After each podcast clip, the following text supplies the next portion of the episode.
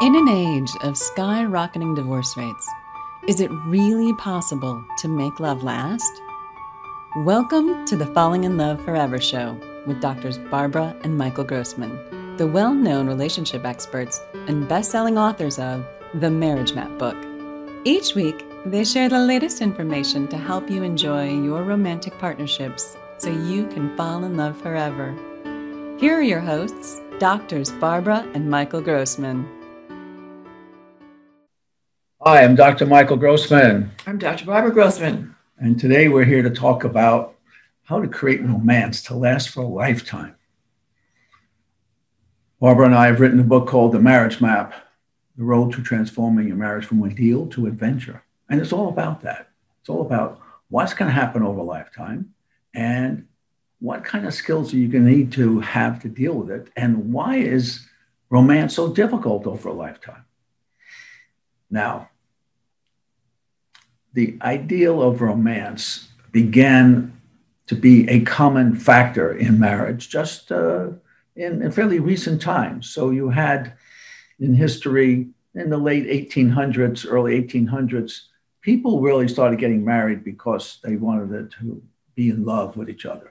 Prior to that, it was an arranged marriage. You got married because you needed to survive, you need to have children to take care of you. That was your social security. You needed to have a relationship that works, that each of you could divide up who's doing what.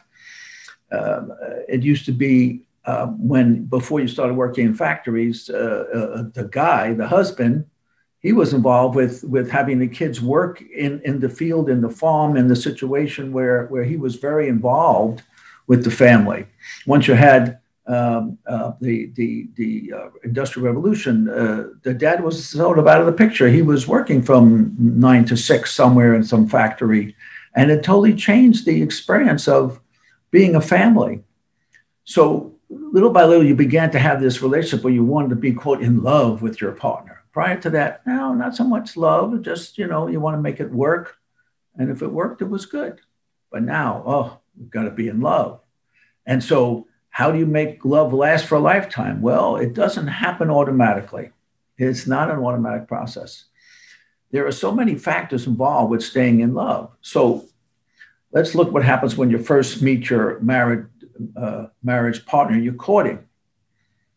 You are experiencing that what is attractive about them is something that's so different than who you are. So, for instance, when Barbara and I met, we were like, you know, we were 20 years old. And Barbara loves my strength, my independence, my self sufficiency, because that was so different than she was. I also loved your, your vision. I loved your personal ethics. I appreciated, you, you know, the, we had fabulous conversations that were psychological. So we were attuned in our in our person in our temperaments. Yes. so we had a lot of affinity and and that's what all of our relationships are based on in uh, initially is our affinities. We're attracted to who we're attracted to based on either what we like or what was missing in our upbringing and we bond. And we live off that bond for um, a couple of years and we enjoy um, the connection and over time and extra responsibilities uh, we we knock we um, knock heads on our differences because not all of our uh, personalities really converge. So let's talk about for the audience that when you fall in love, there's the conscious part and the unconscious part. You want to discuss that? Um, no, yeah, how about you do that? So, so you have the conscious part that that that that Dr. Barbara talks about about what makes you fall in love with your partner. You love their way they do things, and you love who they are, and their smile, and their bubbliness, and all that stuff, and it's just so delightful. And your partner's so flexible. If you don't like this kind of restaurant, oh, let's go to that kind of restaurant. If you don't like playing this kind of sport, oh, let's do this other sport. And you just do whatever makes the other one happy, and you love courting but there's an underside that's an unconscious part of what attracts you to your partner. And what attracts you to your partner is that you realize that this person can heal all of the pain you have had from your childhood. So I don't know that that's, you know, I think that's what actually happens, but I don't know that any of us intend that. We look unconscious. It's, un, it's but it's, it's part of the story because, you know, the other side of, um, of what you love about your partner is a, something uncomfortable. So that, you know, if, if I love your independence and I love your vision, I love the way you just um, uh, are passionate about what you see for yourself.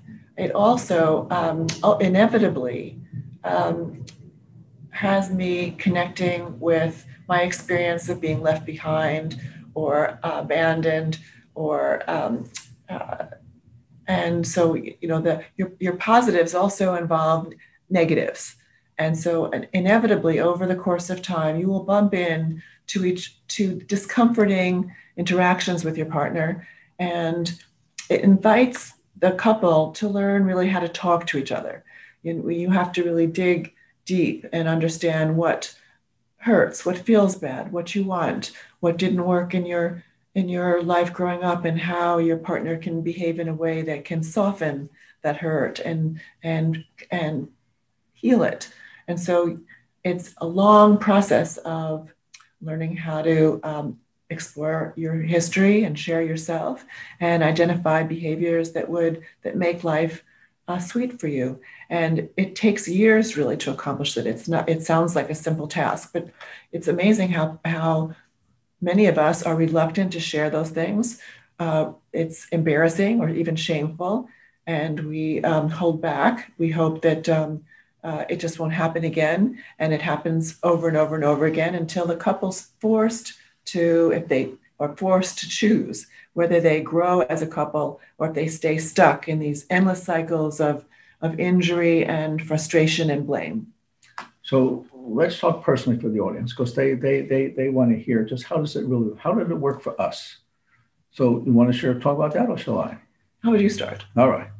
So I I I I have all these wonderful things to say about marrying Barbara, why I married Barbara, and you know how great she was to talk to and to be with and to think out things. And we both have uh, uh, uh, similar interests in, in philosophy and religion, those kind of things. So we're attracted to each other to talk about that. But I felt in Barbara was someone who was so unlike my mother, who my mother was like a general. She was so tough, she was so demanding. You got to do the right thing, you got to excel, you got to excel in everything, and whatever you do, you could always do better. And I never felt like, uh, my mother thought I was great. You know, she she tolerated me and she just did all these good things for me. She was a great mother, but she was really tough. She was the general. Barbara was kind of laid back. And she was very accommodating. And she's very soft and she's very willing to say how much she needed me and how much she loved me. My mother never said how much she needed me and how much she loved me. As a matter of fact, um, one memory that, that comes up um, my two brothers and I forgot to give my mother a birthday card for her birthday. We were about 15, I was 15, and they were right around that, you know. And she was really angry at us for one year. We all knew that we screwed up. And we were really, really sure the next birthday we would remember her, her birthday. So that was so unlike Barbara, because she was so easygoing about different things and just accommodating and telling me how much she loved me and needed me. I, I was really happy with that. The underside of that is that Barbara's not going to stay that way. Well, because of someone who's really agreeable like me eventually comes up against my limits. And so when I eventually discovered that I couldn't just um, accommodate, accommodate, accommodate, there's a, there was a couple of things that really are important to me. And I wasn't heard um, when I said it softly or uh, innocuously. I started, you know, shouting it and it shocked Michael. It absolutely, and it hurt him. And it, you know, it made it changed his experience of me so radically that it became a problem. And that's the inevitable part of a romantic relationship because there are those things that attract you to your partner that later on really, really upset you about your partner. And it's inevitable, it's going to happen. And it takes skills to share about that. So, why don't you share what attracted you to me and what later was not so good for you? Well, I thought, well, I have to think about that actually, but um, because it's quite a while ago. You but want you, me to tell you? you remind me. yeah, you're wonderful, and I appreciate you so much. But I know I, I enjoyed your vision. I, I, I valued your integrity. You had an open heart, and you shared. You know, um, you, you were able to really take apart life and share yourself. And I felt greatly connected with you. And I felt your loyalty. You're a loyal kind of person. You're a family person, and that meant a lot to me. And that quality of being a, a very independent person who went out there and conquered life and took things around, and you were happy to have someone be that way and you to be the soft person who just sort of acquiesced. That, at a certain point in your life, as happens to many women, it's a very common thing. You get into your late 30s, early 40s, and you're not so happy with being second to you know have an opinion. You, you weren't so happy to defer to my opinions and then you put your foot down and you had a lot of things that you said no i don't want it that way anymore. Well I, I wouldn't say it i wouldn't say it the way you said it. I mean i had my own direction and i was happy that you had your own direction and you had definite interests and goals because i like an independent man. I don't yes. want a man to rely on me. Right. i have my own self-generated right. interests. But when you when you made certain things really important and whether I was going to participate or not, you were going to go do it. And, um, and you were, uh, you know, you weren't very respectful of, of creating partnership with me. You were just going to do what you were going to do. And which had worked very well for 10 years. Right. So you had every reason to think that would work. And eventually I found my voice and said, and, and define certain limits to that kind of freedom you were taking to do whatever. And it was these were big conversations for us. And it was it was you know for me it took me a long time to think out what i wanted because it's not it's not you know what when you decide what you want it's not a, a principle or a position. It has to be specific behaviors. It has to be you know something that your partner can work with. And it took me a while to figure out how I needed to be included in your life and what the limits to your, you know, worldwide adventures were. And um, once once I said them out loud, it made sense to me.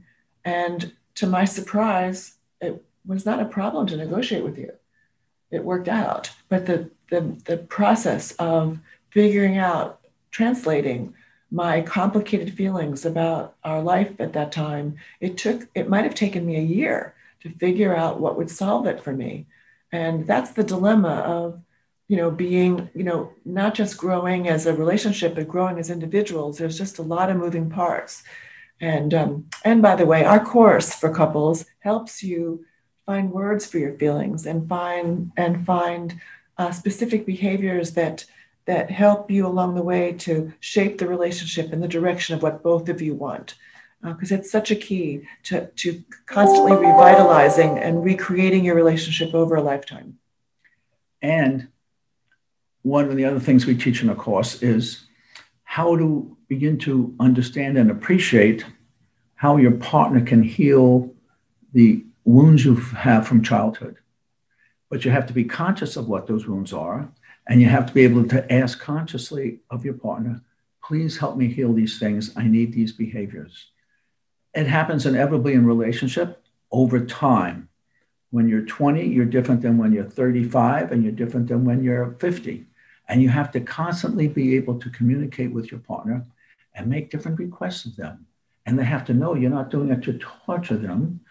You're asking these requests because it'll help to heal you of your own childhood wounds because to your partner, it seems like you're making weird requests that are unreasonable. Well, I don't want to do that. Why should I do that? Just to make you feel better? No, I want to do it for what makes me feel better. When we were courting, you never asked me to do any of those things. Why should you change and so now I'm going to find another woman, another man who will not make these kind of requests of me? Well, if you make requests nicely and you explain to your partner what you need now, then you're happy to do it. But so we teach that. How do you get your partner to understand why you're making these requests? And it allows you to have a relationship where you're in love over a lifetime. And I can say emphatically that I love Barbara more now than when we first got married 49 years ago. And love becomes a passion. And you want to do things that bring your partner joy and happiness. And it feels weird to do it because it's not your desire, it's their desire, but it makes them so happy. And you love doing that because you get that from your partner too, that they do things that just heal you. And they feel the same way about it. And that's what creates conscious romance, as opposed to in the beginning of a relationship where it's unconscious. You do what makes them happy just because it makes them happy and you don't really know anything about it. Over time of your life, you're going to be more and more clear with your partner why these things make you happy. And you find that it heals you. And I love healing Barbara's stuff from her childhood where she feels abandoned. She has a whole history of abandonment as a little kid. And I love when Barbara heals me of my feeling that my mom was so tough on me in terms of expecting and not and not having me feel like I was good enough for her. And I have a whole story about that. But you can heal each other and find you more and more passionately love each other as the years go by. Mm-hmm. And we want that for each of you. So, by our vision, your relationship is a process by which you grow as individuals and you grow as a partnership. And we want that for you. It's a, a beautiful way to live your life and grow. So, we'd love to hear from you. Uh, you're welcome to um, go to our website, themarriagemap.com. You're welcome to look at the different courses that we have and classes that we have. And it's a pleasure to spend time with you. And we wish you love. Bye for now. Wishing you love. Thank you. Thank you for watching the Falling in Love Forever show with doctors Barbara and Michael Grossman. Join us next week for another informative discussion to help you keep your love alive. Be sure to visit us at themarriagemap.com or find out about our relationship classes at fallinginloveforever.com.